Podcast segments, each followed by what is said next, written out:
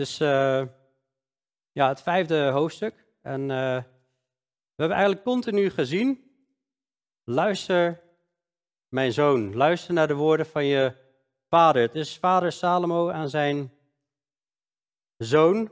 En uh, hij roept op tot heel veel vermaningen om niet het criminele pad op te gaan, niet de weg van de dwazen in te gaan. Zo heeft hij allemaal voorbeelden genoemd. En vandaag gaat hij waarschuwen tegen overspel. En daar gaat hij ook niet even bij stil blijven staan. Het komt in hoofdstuk 5, is daar volledig aangeweid. Hoofdstuk 6 een deel en hoofdstuk 7 ook weer volledig. Dus het is uh, geen onbelangrijk thema in het boek Spreuken. En ja, ik, heb de, ik kon niet kiezen eh, wat de titel zou worden, maar ik heb in ieder geval de titel, eh, u zult geen overspel plegen, uh, dat is de titel voor vandaag. De HSV zegt, zet erboven de herziende statenvertaling waarschuwing tegen overspel. Waarbij ik het wel belangrijk ook vind om te beseffen, deze zin, u zult geen overspel plegen, dat komt uit de tien geboden. Wat begon met, ik ben de Heere uw God. En dan geeft God geeft de tien geboden. Maar als we kijken vandaag de dag, het, het gezin is eigenlijk, ja, de mooiste plek op aarde, volgens de Bijbel. Hè, dus, dus, waar je warmte hebt, de, de, man heeft een vrouw lief, vrouw is onderdanig en dan, dat werkt in Gods harmonie. Het is een weerspiegeling van Christus en de gemeente, waar de kinderen geborgenheid mogen ervaren, maar het is iets wat het meest wordt aangevallen op dit moment. Hè, door reclames als, nou hier is dan de sticker erover uh, geplakt, maar zin in een avontuurtje, of uh, ik weet niet wat de tekst precies is, maar hier zijn mensen die zijn het er niet mee eens, maar second love. Maar je komt dat overal tegen. Deze maatschappij die is helemaal niet meer zo geïnteresseerd in het huwelijk, maar vooral geïnteresseerd in lusten en, en leven op los. En er is van alles te krijgen. Uh, voordat ik hier verder ga, um, een herinnering om ook onze uh, preken te checken. In Efeze 5, daar hebben we uitgebreid een preek gehad over seksualiteit. Hoe zit het met seks voor het huwelijk? Wanneer spreek je over uh, seks voor het huwelijk en hoererij, hè, waarbij we gezien hebben, Ezekiel 23, daar spreekt God heel duidelijk dan wanneer de borsten al betast worden, uh, dan is er al sprake van uh, hoererij. De Bijbel is gewoon best wel heel duidelijk in, in, in, in zijn taal, dat zullen we vandaag ook zien, dat er ja, dingen gezegd worden dat je denkt, oké, interessant. Um, maar goed, daar hebben we ook twee preken stilgestaan bij het huwelijk in de serie door de Efezebrief. Hoe belangrijk het huwelijk is. En uh, nou, er zal vandaag ook iets van langskomen, maar niet al te veel. Zoals ik al zei, hè, je wordt ermee doodgegooid. Niet letterlijk doodgegooid. Ik noem me bewust even, je wordt ermee doodgegooid. Omdat, op, we zullen zien, op overspel stond vroeger de doodstraf. Maar wij worden ermee doodgegooid op Netflix, op je mobiel, uh, of je nou erom vraagt of niet, ik kijk op Weer Online en uh, er wordt mij heel de tijd bikinis aangeboden. En ik ben helemaal niet geïnteresseerd in bikinis, maar, en ik wil die beelden ook niet en ik klik weg, maar ze blijven maar steeds komen. Dus het wordt in je gezicht gedrukt. Maar op billboards, bushokjes, maar ook in de stad, hè, hoe sommigen zich kleden, zo uitdagend. Je kunt in de supermarkt verleiding tegenkomen, maar zelfs in de kerk wordt ook overspel gepleegd, wordt ook gescheiden, helaas. En zo hoort het niet te zijn. staan ook mensen op het podium met uitdagende kleding, met allerlei verleiding. En voordat ik dit wil gaan lezen, normaal lees ik het eerst en dan gaan we bespreken, maar ik wil vandaag eerst achtergrond, wat meer achtergrondinformatie gaan geven over wat God hier eigenlijk allemaal over zegt, om te beseffen hoe serieus het is. En uh, nou goed, als je vandaag op bezoek bent, dan je valt met de neus in de boter met een leuk onderwerp. Maar uh, God spreekt hierover. En wij zeggen van ja, wij willen God liefhebben met heel ons hart, heel onze ziel, heel onze kracht, heel ons verstand. En we willen de Bijbel gewoon lezen zoals het is. En als we dingen tegenkomen die pittig zijn, dan is dat maar zo. Dan moeten wij daarmee dealen. Daarom pakken wij een boek, gaan er vers voor vers doorheen. En zo kom je dit gewoon tegen. En het is nodig, omdat in de kerken ook verleiding is, misleiding, overspel, wat ik al zei. dus ook christenen hebben deze waarschuwing, of juist christenen hebben deze waarschuwingen nodig. Maar toen God de tien geboden gaf, ook wel interessant om toch even te kijken in Exodus 20 naar de, de context, hoe dat gegeven wordt. In Exodus 20 worden de tien geboden gegeven, sorry, maar even iets daarvoor in Exodus 19. Dan zegt God dat ze, Israël moet zich gaan klaarmaken. Ze moeten eh, zich gaan reinigen. Want God heeft een, een woord te brengen aan ze. Hij heeft een boodschap aan ze. En dan Exodus 19, vers 16 staat er, en het gebeurde op de derde dag, Exodus 19, vers 16, tweede boek in de Bijbel. Het gebeurde op de derde dag, toen het morgen werd, dat er op de berg donderslagen, bliksemflitsen en een zware wolk waren en zeer sterk bazuingeschal, zodat al het volk dat in het kamp was beefde. En Mozes leidde het volk uit het kamp God tegemoet en zij stonden onderaan de berg. De berg was geheel in rook gehuld, omdat de Heere er in vuur neerdaalde. De rook ervan steeg omhoog als de rook van een oven. En heel de berg die beefde hevig. Het bezuingeschal werd gaandeweg zeer sterk. En Mozes sprak en God antwoordde hem met een stem. Toen daalde de Heere neer op de berg Sinaï, op de top van de berg. En de Heere riep Mozes naar de top van de berg. En Mozes klom naar boven. De Heer zei tegen Mozes, ga naar beneden, waarschuw het volk, anders zullen zij doordringen tot de Heere om hem te zien en zullen velen van hen vallen. Ook de priesters die tot de Heere naderen, moeten zich heiligen, anders zal de toorn van de Heere over hen losbarsten. Toen zei Mozes tegen de Heere, het volk kan de berg Sinaï niet beklimmen, want u hebt ons zelf gewaarschuwd door te zeggen, grens de berg af en heilig hem. De Heere zei tegen hem, ga, daal af en daarna moet u naar boven klimmen, u met Aaron bij u. Maar laat de priesters en het volk niet doordringen om naar de Heere op te klimmen, anders zal zijn toorn over hen losbarsten. Toen daalde Mozes af naar het volk en hij zei dit tegen hen. En dan begint God, toen sprak God al deze woorden. Ik ben de Heere uw God, die u uit het land Egypte uit het slavenhuis geleid heeft. En dan begint hij, u zult geen andere goden hebben, geen afbeelding, niet daarvoor neerbuigen. Je zult Gods naam niet verkeerd gebruiken. Al die tien geboden. En het zevende gebod in Exodus 20, vers 14, dat is, u zult niet echt breken. Dus dat is wel vrij serieus hoe God hier verschijnt. Hij verschijnt hier echt in al zijn heiligheid. Kom niet dichtbij mij of mijn toorn zal losbarsten. Zo, zo zegt hij dat gewoon. En wij weten dat uiteindelijk het tabernakel er was om verzoening te brengen tussen God en de mens. Nog niet de volledige verzoening, maar het wees naar Christus. En pas toen Christus kwam en we gereinigd waren van zonde, kunnen we in de nabijheid van God komen. Maar de mens is afgescheiden van God. En God houdt ze de wet voor. Eén, om na te leven, maar we weten niemand kan dat naleven. Dus het laat zien wat zonde is. Dan zien we in het zevende gebod, u zult niet echt breken. Maar in Deuteronomium 5 wordt de wet nog een keer herhaald. En dan wordt het zevende gebod wordt als volgt omschreven. U zult geen overspel plegen. Dus eigenlijk echt breken en overspel plegen staat eigenlijk aan elkaar gelijk. Dat ziet God als een breuk in het huwelijk. En het tiende gebod is, u zult niet begeren de vrouw van u naast het huis en uh, nou, al die dingen, zijn auto staat er niet bij, maar in ieder geval allemaal voorbeelden staan er dan. U zult niet begeren de vrouw van u naast, staat ook in Deuteronomium 5 erbij. En dit was een hele serieuze kwestie, want in Deuteronomium 22, daar staat, wanneer ergens een man aangetroffen wordt terwijl hij met een vrouw slaapt, die met een andere man getrouwd is, dan moeten zij beiden sterven. De man die met de vrouw geslapen heeft en de vrouw, eh, en de vrouw zo moet u het kwaad uit Israël wegdoen. Er stond de doodstraf op, net, doodstraf op, net als op heel veel andere van de tien geboden. Dat is heel serieus. In de wet, de wet is nog langer dan alleen maar de tien geboden. Er zijn totaal 613 geboden in de wet van Mozes, de eerste vijf boeken van de Bijbel. Maar er is een heel hoofdstuk is gewijd aan seksuele reinheid. Hoewel het hier gaat over overspel, wil ik het ook wat breder trekken. Eh, omdat ehm, we met heel veel soorten seksuele onreinheid te maken hebben. En overal moeten we voor oppassen en zijn we voor gewaarschuwd natuurlijk. In Leviticus 18 zie je bijvoorbeeld dat je het bed niet mag delen met familie. Niet met vader of moeder, niet met zus, niet met je kinderen, niet met ooms en tantes, niet met zwagers, schoonzussen.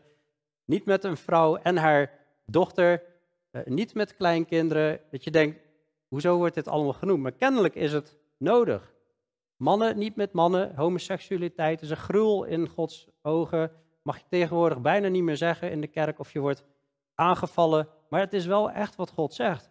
Ik kan er niks aan doen. Het staat in Leviticus 18 en ik zal zo nog wat teksten laten zien. Geen seks met dieren, wordt er ook bij gezegd. Je denkt, zo staat dat echt in de Bijbel? Ja, dat staat echt in de Bijbel en dat is blijkbaar ook gewoon echt nodig. Nou, enzovoort. Maar wat moeten wij met die informatie? Heel veel mensen zeggen, ja, maar oké, de wet, hè, de wet van Mozes, dat is niet meer voor ons, want wij leven onder het nieuwe verbond. Maar wanneer Paulus op een gegeven moment tegen problemen aanloopt met allemaal gebruiken, ja, moeten die heidenen, die komen er ook tot geloof, moeten die nou nog de besnijdenis houden? Moeten die nou nog aan voedselwetten houden? Dan hebben ze een bijeenkomst in Jeruzalem en dan met de apostelen en dan met de ouderlingen en Paulus er ook bij. Er wordt een overleg gehouden en met de Heilige Geest komen ze tot de conclusie. Het heeft de Heilige Geest en ons goed gedacht. U, dat gaat dan naar de heidenen, die boodschap, verder geen last op te leggen dan deze noodzakelijke dingen. Dat u zich onthoudt van afgodenoffers, of afgoden staat er verderop, van bloed, geen bloed zomaar innemen, van het verstikte en van hoererij. Dat is in de grondtekst het woord porneia. Weghouden van alle seksuele onreinheid is dat, wat buiten het huwelijk valt. Dus wat wij in het oude verbond vinden, is, van, is op ons van toepassing wanneer het gaat over seksuele onreinheid. Dus je kunt met een gerust hart, als iemand een vraag heeft uh, over mag je seks hebben met dieren, ja, het is een hele rare vraag, kun je gerust zeggen dat is nog steeds van toepassing op ons, zeg maar. En net als overspel, net als al die andere dingen die we hebben gezien. Nou, Jezus die komt, en oh ja, overigens porneia, hè, dat is dus veel breder dan alleen maar naar seks kijken op een scherm. Dat is dus echt alle seksuele vormen buiten het huwelijk. En dan komt Jezus en die legt de lat nog eens even veel hoger. Die zegt, u hebt gehoord dat tegen het voorgeslacht gezegd is, u zult geen overspel plegen, maar ik zeg u dat al wie naar een vrouw kijkt om haar te begeren, in zijn hart al overspel met haar gepleegd heeft. Dus wat, wat doet hij? Hij pakt het zevende gebod van overspel samen met het tiende gebod van begeren. En hij zegt eigenlijk, als je dit al in je hart hebt gedaan, ben je al schuldig aan het overtreden van gebod nummer 7. Dus dat, dat is al serieus. Nou, denk je, hoe kan iemand dit houden? Maar gelukkig is Jezus gestorven voor al onze zonden.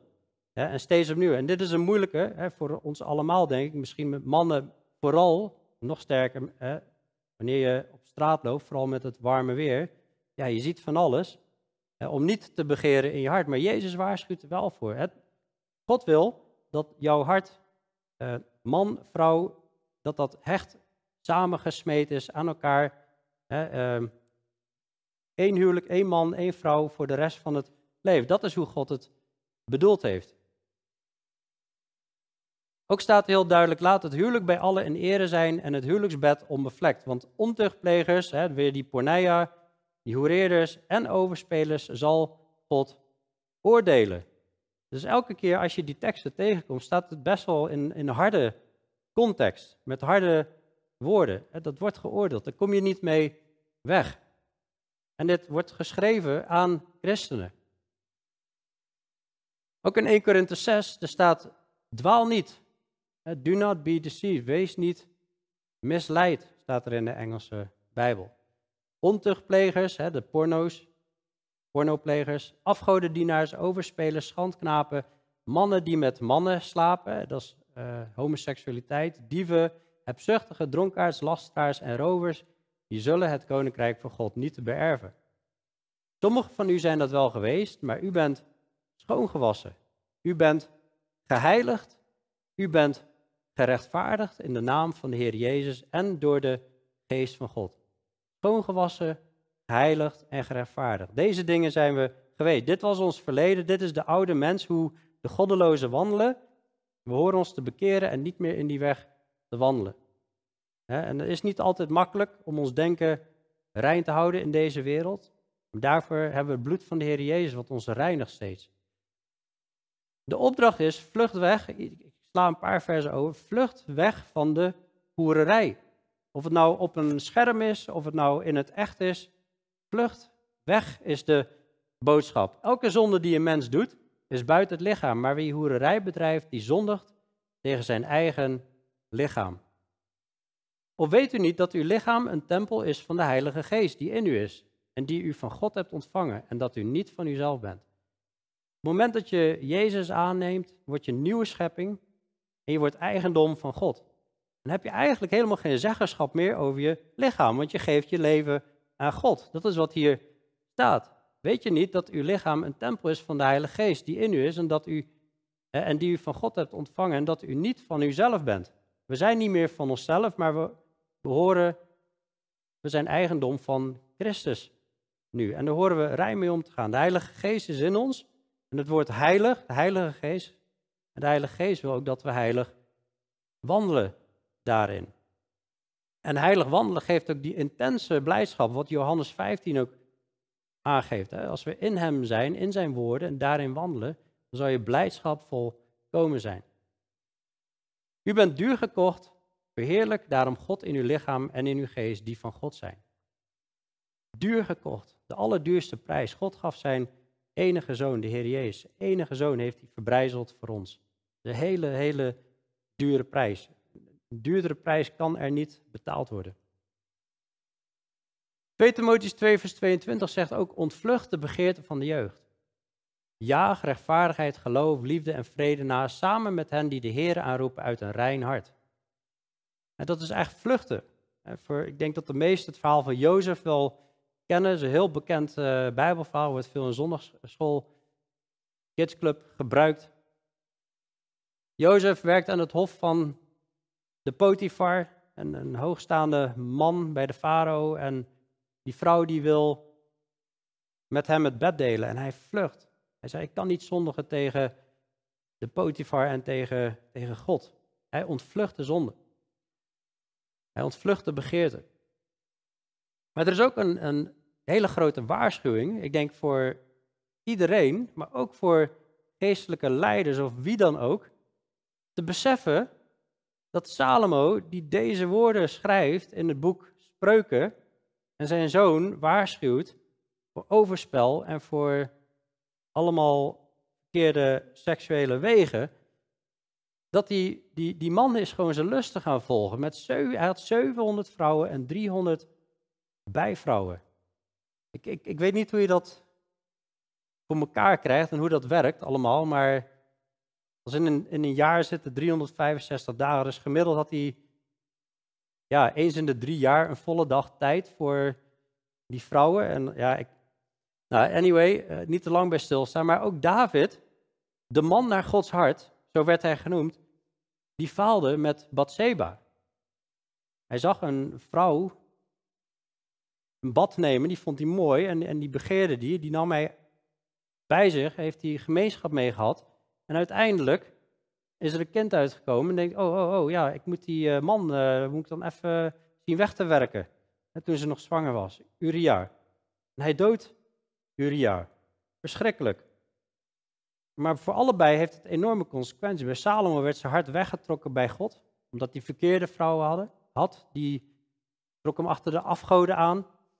En bij David had het ook enorme gevolgen. God vergeeft hem wel, David had berouw. Maar uiteindelijk sterft dat kind en het zwaard zal tegen zijn huis gekeerd zijn vanaf die dag.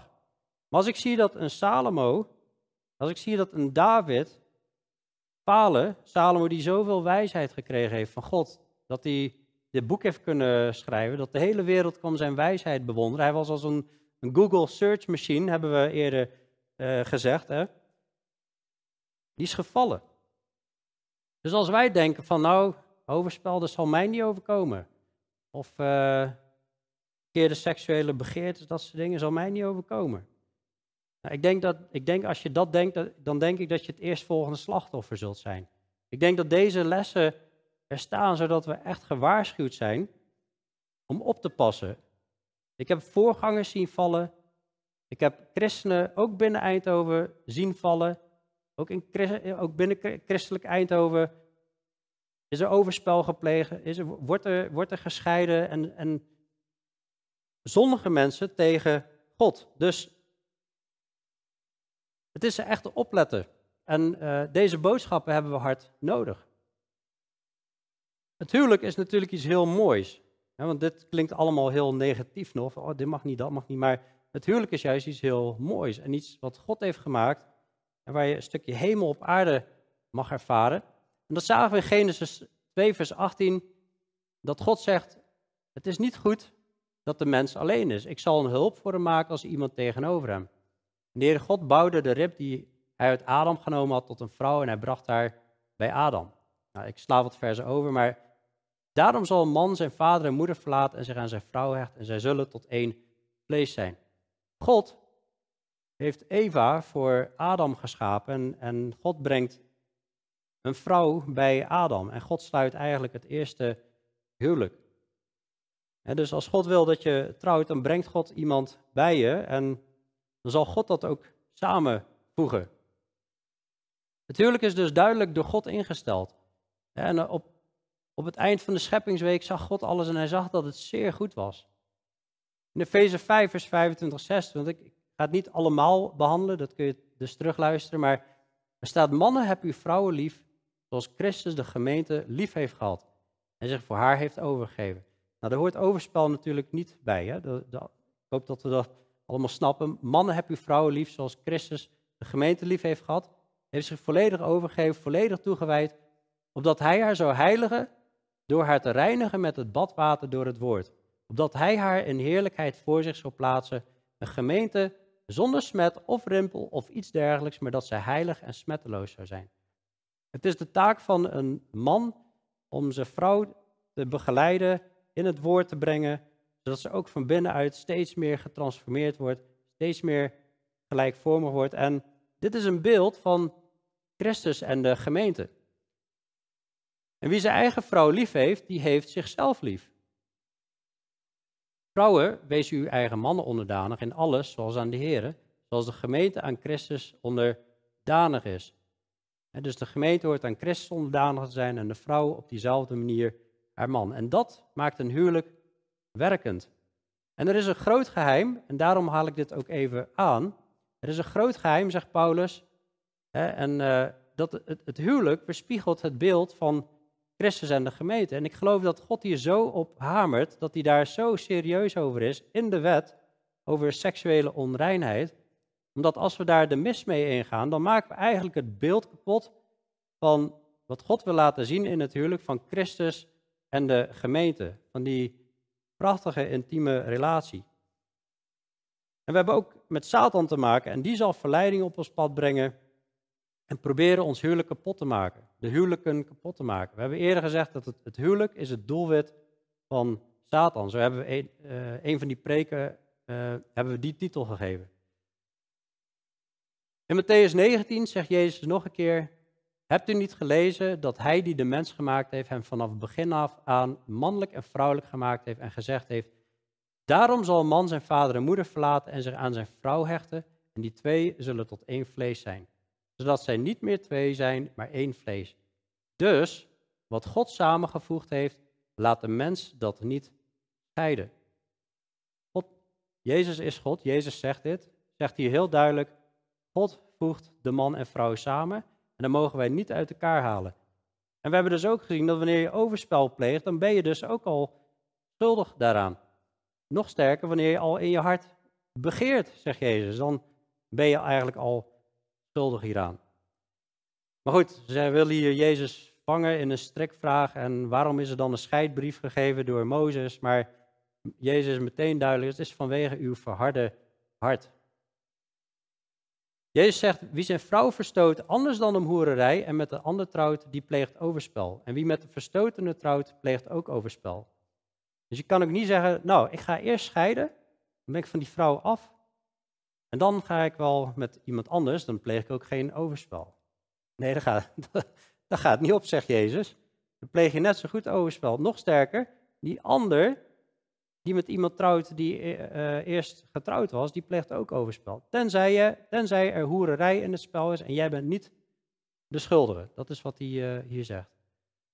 Dus hij maakt wel een uitzondering en daar zit een stukje genade in. En dus scheiden, dat is echt breken, hebben we gezien. staat gelijk aan scheiden en echt breken, dat is hetzelfde. Dat staat gelijk aan overspel, hebben we gezien. Nou, dat was even dan de introductie. En ehm, ja, goed, ik, we gaan hoofdstuk 5, ja, de lange introductie, sorry. Maar we gaan hoofdstuk 5 behandelen. En ehm, ik ga niet alles, alles uh, nog van hoofdstuk 6 en 7 erbij halen, maar dat doe ik dan een uh, volgende keer nog wel. Maar begin met mijn zoon, sla acht op mijn wijsheid. Neig je oor tot mijn inzicht, zodat je bedachtzaamheid in acht neemt en je lippen kennis bewaren. Want de lippen van een vreemde vrouw, die druipen van honingzeem. Haar gehemeld is gladder dan olie, maar het laatste van haar is bitter als alsem, scherp als een tweesnijdend zwaard. Haar voeten dalen af naar de dood, haar voetstappen sturen aan op het graf, opdat je het pad ten leven niet zou inslaan. Valken haar sporen zonder dat je het beseft. Nou, je zou dit hoofdstuk in kunnen delen in drie stukjes. Ik heb het niet opgeschreven, maar ik heb zelf uh, vers 1 tot 6 heb ik een, een kopje boven geschreven. Um, een ervaring die van zoet naar bitter gaat. En met dank aan Bijbeluitlegger Warren Wiersbe. Vond ik een hele mooie titel over vers 1 tot 6.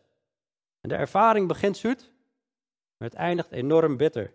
Dan in vers 7 tot 14. Um, ehm, dat is de ervaring dat je eerst denkt winst te hebben, wanneer je bezig bent met overspel, maar het blijkt groot verlies te zijn. Dus vers 7 tot 14, de ervaring van winst naar verlies.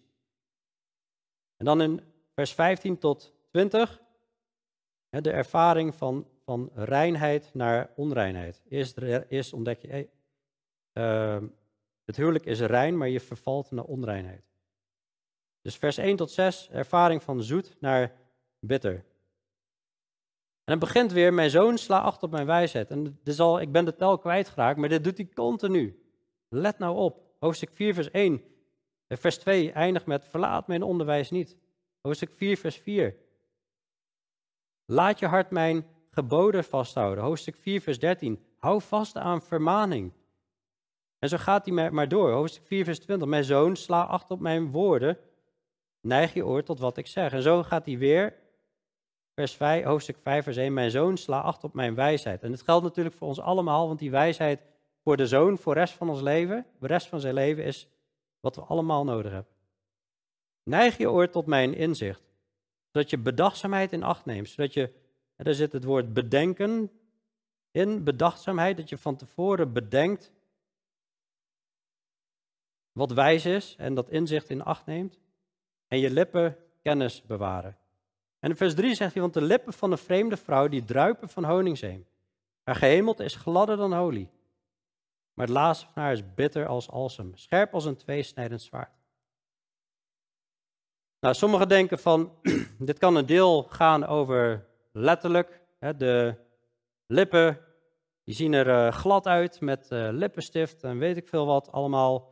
Die lippen van de vreemde vrouw, het druipen van de honingzeem. Honingzeem is het allerzoetste deel in de honing. Hè, dat je daar helemaal uh, van in de wolken raakt. Haar gehemeld is gladder dan olie. Maar ik denk dat ook bedoeld wordt, hè, wat spreekt zij? Er zal verleiding op je pad komen. Die kans is heel groot. Maar hij waarschuwt voor de lippen van een vreemde vrouw.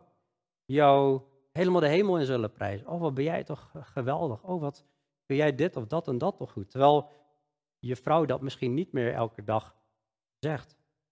Hele zoete dingen kan ze zeggen. En het risico is dat je in, in een val belandt en andersom net zo goed hè, voor de, de, uh, het gaat de waarschuwing steeds naar vreemde vrouw, maar net zo goed een vreemde man voor een vrouw is net zo goed hè, een waarschuwing. Want je hebt altijd voor overspel twee personen nodig. Maar haar gehemelte is gladder dan olie. Wat zal ze gladde dingen zeggen en dat je denkt van, oh man, uh, zij begrijpt mij tenminste. Dat is de waarschuwing die hier staat. Trap er niet in, in die vleierij.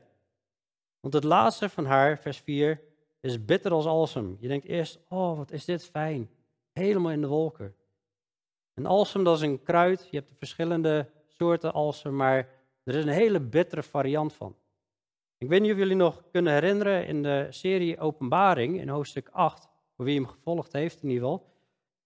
Daar een van de oordelen die God gaat sturen, dat is een, een asteroïde die de rivieren gaat raken. En die asteroïde, wordt daar een ster genoemd, is waarschijnlijk een asteroïde, die heet Alsem. En die gaat een derde van de rivieren slaan. En als je beseft dat er uh, rivieren zijn van uh, duizenden kilometers lang, heel erg veel water, zal er veranderen en zal bitter zijn als Alsem. als je nu kijkt naar de wereld, hoe het vervuld is met hoererij, vervuld is met overspel, alsof God dan ook zegt van, dit is het oordeel wat ik geven zal. Maar nu al hier in dit leven, zal het je bitterheid brengen. Het lijkt mooi, maar het eindigt bitter. Het maakt relaties kapot. Het maakt kinderen kapot. Het maakt vriendschappen kapot. Wij hebben het gezien bij hele goede vrienden van ons. Die waren onze ceremoniemeesters. Die zijn gescheiden. Er is overspel geweest en het is verschrikkelijk. Onze relatie met hun is daardoor ook mede Pas op, vers 6, opdat je het pad ten leven niet zou inslaan. Het pad ten leven is het pad met God. En waarin je wandelt in zuiverheid. Dat je leidt naar het eeuwig leven. Niet dat goede werken jou eeuwig leven geven, maar uit genade zijn we gered. Door het geloof, maar tegelijkertijd hoort daar bekering bij. Het wijkt af van de weg van het leven. Het is de weg naar de dood. Dat je pad het, het uh, opdat je het pad en leven niet zou inslaan. Zwalken haar sporen zonder dat je het beseft. Uh, volgens mij sla ik een zin over, of niet?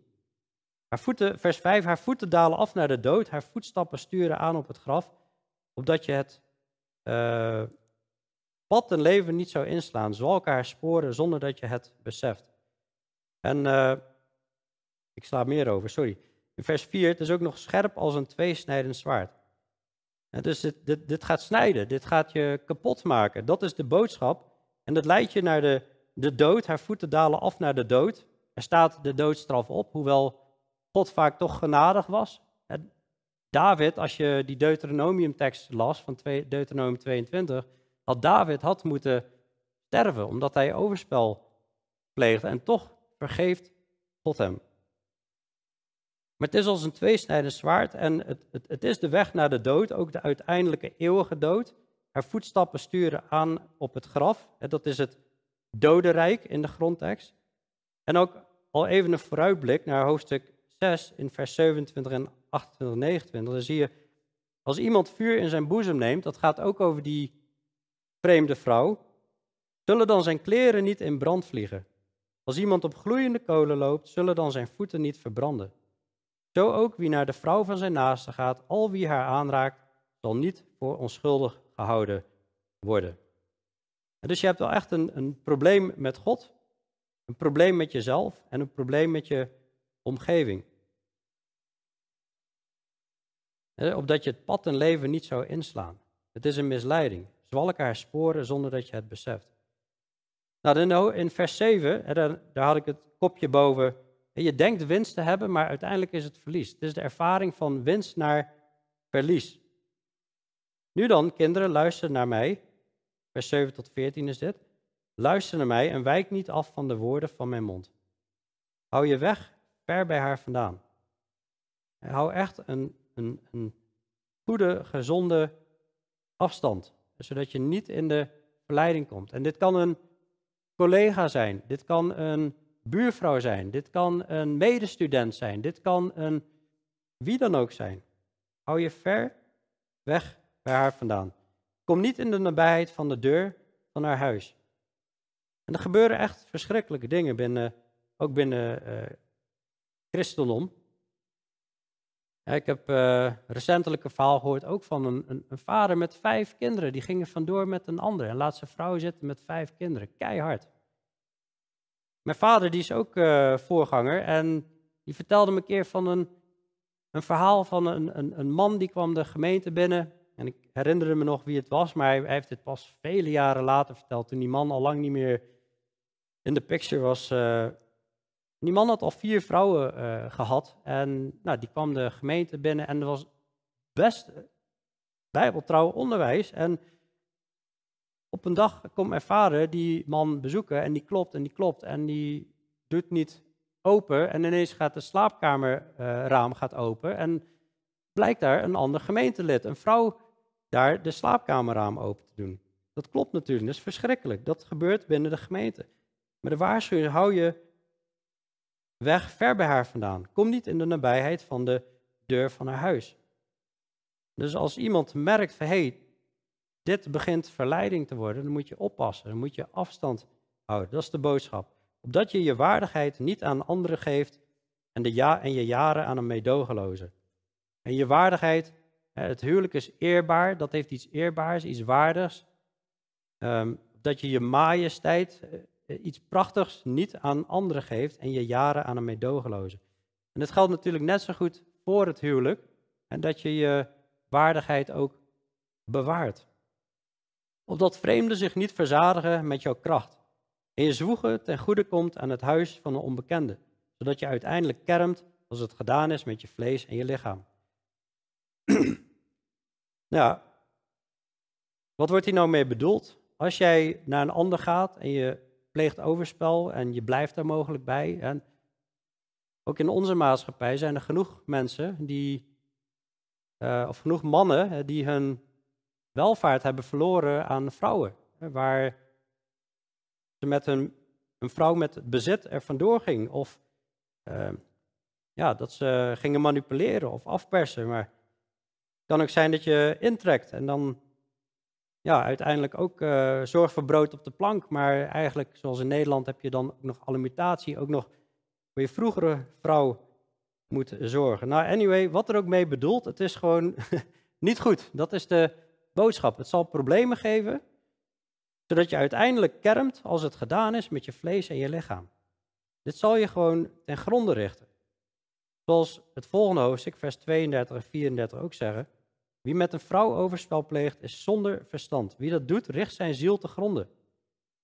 Het kan zelfs zijn dat die man, als die ander getrouwd is, in alle jaloezie achter je aankomt. Er staat, want jaloers is, jaloersheid is de woede van een man en hij zal geen medelijden hebben op de dag van de wraak. Maar uiteindelijk zal het tot kermen leiden, tot gekreun, als het gedaan is met je vlees en je lichaam. Sommigen denken dat hier misschien zelfs in te lezen is dat, nou ja, eh, je hebt ook nog seksueel overdraagbare aandoeningen, wanneer je ja, buiten, buiten het huwelijksbed gemeenschap hebt. En dan kun je allemaal ziektes op doen. Ik heb ook van een uh, verhaal gehoord waar iemand dus overspel pleegde en dat bleek iemand te zijn die aids had en vervolgens neemt hij aids mee zijn huwelijk in en hij besmet zijn vrouw en zijn vrouw komt te overlijden. Dat is verschrikkelijk wat voor consequenties het kan hebben. Maar al met al, je bent gewaarschuwd. Dat is wat Salomo zegt. dat je niet komt op een punt in vers 12 en je zegt, hoe heb ik vermaning kunnen haten? Ik ben zo gewaarschuwd. Ik heb al die instructies gehoord. En heeft mijn hart de bestraffing kunnen verwerpen. En ik heb niet geluisterd naar de stem van mijn leraren. Mijn oren niet geneigd op mijn leermeesters. En bijna alle kwaad heb ik verkeerd. In het midden van de gemeente en de gemeenschap.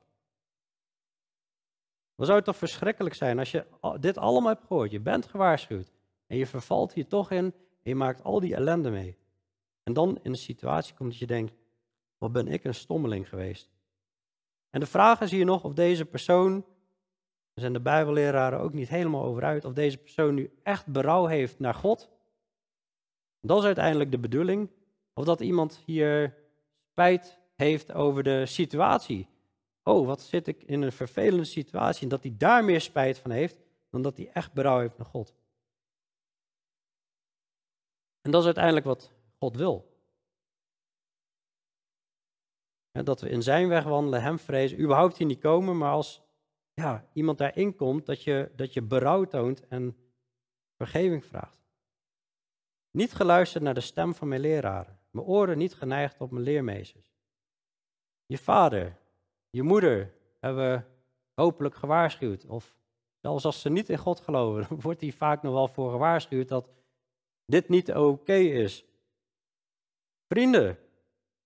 In dit geval ook degene die hier staat te spreken. Broeders, zusters, die leraren, iedereen die hiervoor gewaarschuwd heeft. De stem van mijn leraren. Hoe heb ik dit kunnen doen? En vers 14, in bijna alle kwaad heb ik verkeerd. In het midden van de gemeente en de gemeenschap. Alsof dit ook nog wil aangeven van, en dat het ook nog voorkomt dat, dat mensen dus al dit kwaad doen. Van het ene kwaad komt het andere, zie je vaak. Als je in de ene zonde valt, komt de volgende. En alle kwaad hebben verkeerd in het midden van de gemeente en de gemeenschap. Er zitten mensen in de kerk, komen in de gemeente, hebben gewoon, maken deel uit van de gemeenschap. Maar in het geheim doen ze allemaal andere dingen. Maar God weet natuurlijk alle dingen. Maar het is een schadelijke weg, hier op aarde al, maar uiteindelijk voor de eeuwigheid is het natuurlijk ook extreem schadelijk. Vers 15 tot 20 had ik het, kopje eh, de ervaring van reinheid naar onreinheid. Drink water uit je eigen bak, stromend water uit je eigen put. Laat je bronnen zich naar buiten toe verspreiden en de waterbeek op de pleinen. Laat ze van jou alleen zijn en van geen vreemde met jou. Mogen je levensbron gezegend zijn en verblijd je over de vrouw van je jeugd. Soms kom je uitdrukkingen tegen en dan denk je, ja, wat wordt hier nou precies mee bedoeld? Um, ja, dan moet je een beetje duiken in wat, uh, ja, werd er toen de tijd bedoeld met bepaalde uitdrukkingen. Als wij uh, ja, naar het Engels toe zouden vertalen, nou, uh, the monkey comes out of the sleeve. Ja, dat ja, is niet echt heel logisch natuurlijk. Wij weten van ja, de aap komt uit de mouw, hè, dat heeft een betekenis. Maar bepaalde uitdrukkingen die gaan wat verloren. Wat er waarschijnlijk mee bedoeld wordt, drinkwater uit je eigen bak, stromend water uit je eigen put. Stromend water is de plek die leven geeft. Dat is de plek waar het goed is. En het huwelijk moet gezien worden met één man, één vrouw. Dat is de plek die goed is. Dat is stromend water uit je eigen put. Hè? Levend water, de weg van het leven. Terwijl je hebt ook natuurlijk, dankjewel. Je hebt ook um, of rioolwater. Het is niet de bedoeling dat we slootwater gaan drinken. Je kunt er heel veel limonade bijvoegen en dan kan het wat lekkerder smaken. Maar als het slootwater of rioolwater is, blijft het nog steeds onrein. Neem even een slokje water tussendoor. Laten je bronnen zich naar buiten toe verspreiden en de waterbeken op de pleinen. Die vond ik zelf wat lastiger. Er zou mee bedoeld kunnen worden van, uh, dit moet je juist niet doen, dat het cynisch bedoeld wordt. Je bronnen, dat je meerdere bronnen zou hebben, zeg maar. Maar er kan ook mee bedoeld worden, waar is stromend water voor bedoeld? Uh, voor waterbeken, uh, laat je uh, bronnen zich naar buiten verspreiden, de waterbeken op de pleinen. Stromend water, wat gezond is, dat is bedoeld om uiteindelijk dan mensen daarvan zullen kunnen drinken. En dat je tot je kan nemen. En gezondheid hebt. Dus dat het uh, water tot zijn doel komt. Hè, dat zou er ook mee bedoeld kunnen worden. Nou, ik vind het zelf lastige zinnen, maar uh, sta je er ook niet op blind. Kijk even, zoom even uit en kijk naar het grote plaatje wat hier verteld wordt. En dat is gewoon de waarschuwing tegen overspel en te blijven bij je huwelijk. Eén man, één vrouw. Vers 17, laten ze van jou alleen zijn en van geen vreemde met jou.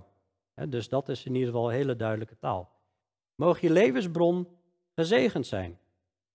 Jouw huwelijk, dat dat gezegend mag zijn. En verblijd je over de vrouw van je jeugd. Ik ben zo blij met jou, Rebek. verblijd je over de vrouw van je eh, jeugd. Hè? Ook al wordt ze ouder, het is nog steeds die vrouw waar jij verliefd op bent geworden. En blijf dat beseffen. Waarom ben je verliefd op die vrouw geworden? En waarom had je het toen wel zo fijn als het op bepaalde momenten niet meer fijn is? Een zeer lieflijke hinde, een bevallig steengeitje. Nou, inspiratie voor het volgende romantische diner. Hè, mannen, schat, waar ben je toch een bevallig steengeitje? nou ja, in ieder geval, dat zijn ook weer uitdrukkingen uit die tijd. Waarschijnlijk heel lief bedoeld, komt een beetje vreemd over nu, maar... Uh, ja, en de volgende uh, tekst, laten haar borsten jou te alle tijden dronken maken, dol voortdurend rond in haar liefde. Wat is het toch ook vervelend als je christen bent, hè? je mag ook niks meer. Laat haar borsten jou uit alle tijden dronken maken. Ja, ik zat in de voorbereiding van, wat ga ik hier nou over zeggen? Nou, dat werkt als volgt. Nee. Volgens mij is de taal gewoon duidelijk. En uh, weet je, hiermee wordt gewoon bedoeld van het huwelijk en het seksuele leven is prachtig en geniet daarvan, maar hou het bij één man en één vrouw. En uh, die mannen die zitten nou echt allemaal, oh, Philip, dat was een fantastische preek, echt. Uh, nee, maar goed, uh, laat het huwelijk eerbaar zijn en dat bed onbevlekt. Daar hoort dit gewoon bij. En in 1 Korinthe 7, hè, daar zie je ook van het lichaam van de man is van de vrouw, het lichaam van de vrouw is van de man. En dat stel je beschikbaar voor elkaar in het huwelijk. Het is iets moois, dol voortdurend rond in haar liefde. Laat haar borst je het alle tijden dronken maken. Dat is dat je daar helemaal in opgaat natuurlijk. Maar wel in die liefde blijven. En dat is iets prachtigs. Wij hebben gewoon geleerd, wanneer je knokt voor je huwelijk, wanneer je tijd investeert, met elkaar praat, samen Gods woord bestudeert, samen bidt en een, een, een leven hebt in je huwelijk waar God heel dichtbij betrokken is, dan krijg je echt een stukje hemel op aarde. Dan zie je echt een, een, een, een glimp van die, die heerlijkheid tussen Christus en de, en de gemeente. En daar horen dit soort intimiteiten ook bij. Vers 20. Waarom zou je mijn zoon ronddolen bij een vreemde vrouw en de boezem van die onbekende omarmen? Want de wegen van een man zijn voor de ogen van de Heer. Hij weegt al zijn sporen. De wegen van een man zijn voor de ogen van de Heer. Hij weegt al zijn sporen. God ziet alles, staat hier. Tegenwoordig hebben we op elke hoek van de straat bijna een camera. En God heeft een veel geavanceerder systeem. Die kijkt dwars door je heen. Die kijkt in je gedachten. Hij kijkt in je hart. Hij ziet elke voetstap. En, alle, en er is zo'n ongelooflijk grote harde schijf in de hemel. Alles wordt vastgelegd en alles is tot in eeuwigheid eh, terug te zien. En alles komt langs voor die grote witte troon straks. Hoereerders en overspelers zal God oordelen. En dat is wel de boodschap. Als je verder leest, zijn ongerechtigheden nemen de goddelozen gevangen. Met de banden van zijn zonde wordt hij vastgebonden. Hij zal sterven omdat er geen vermaning was. Door zijn grote dwaasheid zal hij verdwalen. In Hebreeën 13 vers 4 zagen hoe reerders en overspelers zal God oordelen. Beseft ook dat Spreuken 15 vers 3 zegt, de ogen van de Heer zijn op elke plaats. Ze slaan slechte en goede mensen gade. Mensen kunnen hier in de gemeente anderen voor de gek houden, wat je in het geheim doet. Je kunt mij als voorganger of ons als oudste voor de gek houden. Maar God houdt je niet voor de gek. Hij weet alle dingen. En alle sporen, elke voetstap wordt gewogen. We zien ook in het boek Openbaring dat de zeven geesten van God die zijn uitgezonden over heel de aarde. En als God zegt, hoereerders en overspelers zal God oordelen, dan bedoelt God ook echt dat hij die gaat oordelen. Wordt gesproken tegen Christen. In Openbaring 2 of 3 evalueert Jezus zeven kerken. En daar is hoererij en afgoderij in ontstaan. In de kerk in Thyatira. En er is een vrouw, Isabel. En Jezus zegt: Ik heb haar tijd gegeven dat ze zich zou bekeren, maar ze heeft zich niet bekeerd. Ik werp haar te bed met hen die overspel plegen. Te bed werpen, dat betekent. Daar zul je blijven liggen. Dan word je met ziekte geslagen. En haar kinderen zal ik door de dood ombrengen. En alle gemeenten zullen weten dat ik het ben die de harten en de nieren doorzoekt, zegt de Heere Jezus. Jezus spreekt aan de ene kant woorden van genade voor wie zich bekeren. Maar als mensen zich niet bekeren of terugvallen, harde woorden. We hebben Sodom en Gomorra gezien in de Bijbel. Helemaal vervuld met seksuele onreinheid. Homoseksualiteit is direct geoordeeld met vuur en zwavel uit de hemel. En dat gaat ook met heel de aarde gebeuren. Dat is een waarschuwend voorbeeld. En uiteindelijk komt het ook nog het oordeel voor de grote witte troon. Maar ook christenen, lees 1 Korinthe 3 maar, kunnen schade lijden. Ook, als, ook al ben je behouden, ook al ben je echt een kind van God, je kunt nog steeds schade lijden en loon Dus ik gun iedereen veel loon. Dus ja, laten we in de weg van de Here wandelen. In hoofdstuk 4, vers 25 op het eind hadden we geleerd: laat je ogen recht vooruit kijken en je oogleden zich recht voor je houden. Het is net zo goed wat ik preek naar mezelf, om mijn ogen recht voor me te houden. als, als David struikelt, als Salomo struikelt, dan kan ik ook struikelen, dan kan iedereen hier in de zaal struikelen. We moeten onze ogen recht vooruit houden. Oogleden, die moeten wij recht voor ons houden. Begeren in je hart, dat is al overspel. Maar ook voor de dames wil ik ook een boodschap meegeven. Hoe, hoe kleed je je? Paulus zegt echt, evenzo wil ik dat de vrouwen zich kleden met eerbare kleding. Ingetogen, bezonnen. Titus spreekt over dat vrouwen ook kuis en rein moeten zijn. Hoe kleden we, we ik bedoel vrouwen, hoe, hoe, mannen net zo goed, hoe kleden we ons? Hè? Als jij in korte rokjes rondgaat en uh, je wil vooral je lichaam laten zien en uh, nou, je borsten hangen er half uit en dat soort dingen. Wat voor signaal geef je dan af? En dan roep je ook die verleiding en de begeren van mannen, roep je dan ook op. En als laatste, wanneer Jezus spreekt over de begeren in je hart. Dat is in Matthäus 5.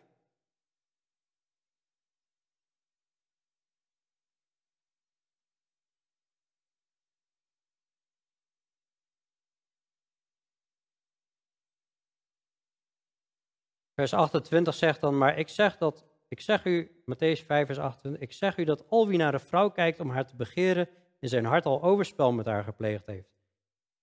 Maar vaak hoor je nog wel eens dit vers, maar wat er achteraan komt, dat is echt niet meer normaal. Als je rechteroogje doet struikelen, ruk het uit en werp het van u weg. Want het is beter voor u dat een van uw lichaamsdelen te gronden gaat en niet heel uw lichaam in de hel geworpen wordt. Als je rechterhand je doet struikelen, Hak hem af en werp hem van u weg, want het is beter voor u dat een van uw lichaamsdelen te gronden gaat en niet heel uw lichaam in de hel geworpen wordt. Zo, dat is duidelijke taal. En dan zijn er mensen die zeggen, ja, maar dit moet je niet letterlijk nemen. Nou, Jezus bedoelt het heel letterlijk, alleen hij wil natuurlijk helemaal niet dat we handen afhakken. En je ziet dat gelukkig ook helemaal niet als voorbeeld in de, in de, in de Bijbel. Maar hij wil dat we ons bekeren. Want het leven, een hand is waardevol en een voet is waardevol en een oog is waardevol. dus God wil dat we dat behouden, maar hij wil dat ons bekeren. Maar hij wil juist laten zien, die, die hel is echt en die waarschuwing is echt en dat oordeel is echt. Dus doe dat alsjeblieft niet. En dat is de waarschuwing uit spreuken. We hebben het heel de tijd over luisteren naar de vermaning. Nou, dit is toch wel een stevige vermaning voor mezelf, voor ieder. Maar uiteindelijk als je in die weg wandelt die de Heer bedoeld heeft, man, wat een, wat een zegen, wat een blijdschap. En dat is waar de tegenstander ons van wil beroven. En uh, God heeft het beste met ons voor, altijd. En zijn weg is de beste, vol blijdschap, is vol van genade. Alleen wij zijn helaas heel vaak halstarrig en eigenwijs dat we denken het beter te weten. Zullen we bidden?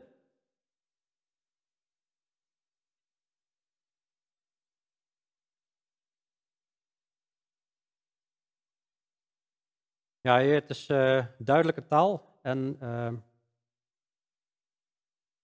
is maar één ding wat we hier eigenlijk mee uh, kunnen doen, heer. Dat is gewoon gehoorzamen, omdat het gewoon goed is, heer. En ik wil bidden voor een bescherming voor ieder, heer, dat we niet vallen in deze verdorven wegen, heer.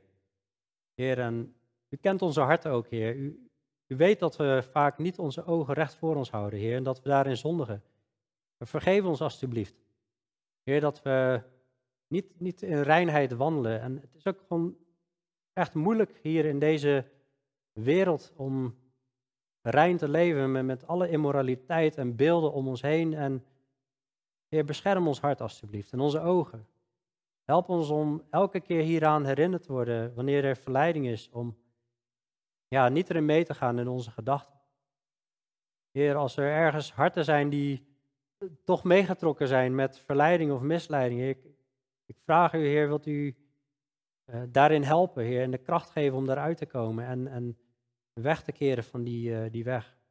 Heer, ik bid voor de huwelijken, voor de relaties, voor ook de vrijgezellen, Heer, voor reinheid. Heer, wilt u de huwelijken krachtig zegenen. Heer, geven dat uh, ja, zowel het geestelijke, het emotionele, maar ook het fysieke krachtig aanwezig zal zijn en dat ieder daarin zal wandelen. En in degenen die nog verkering hebben of in de voorbereiding zijn voor huwelijk, Heer, wilt u geven dat het geestelijke en emotionele krachtig aanwezig mag zijn en dat ze bewaard worden voor onreinheid. En ook voor de vrijgezellen bid ik u, Heer. Ja, seksuele reinheid, Heer. En, uh, ja, u hebt het beste met ons voor. En dank u wel voor deze woorden, want uh, we hebben het keihard nodig. En, uh, help ons om dit toe te passen. Ja, wilt u ons er ook in zegenen in, in deze weg, wanneer we hierin gaan. Dank u voor uw liefde en uw trouw, dat u ons elke keer helpt. En wanneer we falen, Heer, dat u er bent om ons te vergeven. Heer, en, ja, wat een dure prijs hebt u daarvoor moeten betalen. Help ons om niet elke keer opnieuw die nagels in uw handen te slaan. In Jezus' naam. Amen.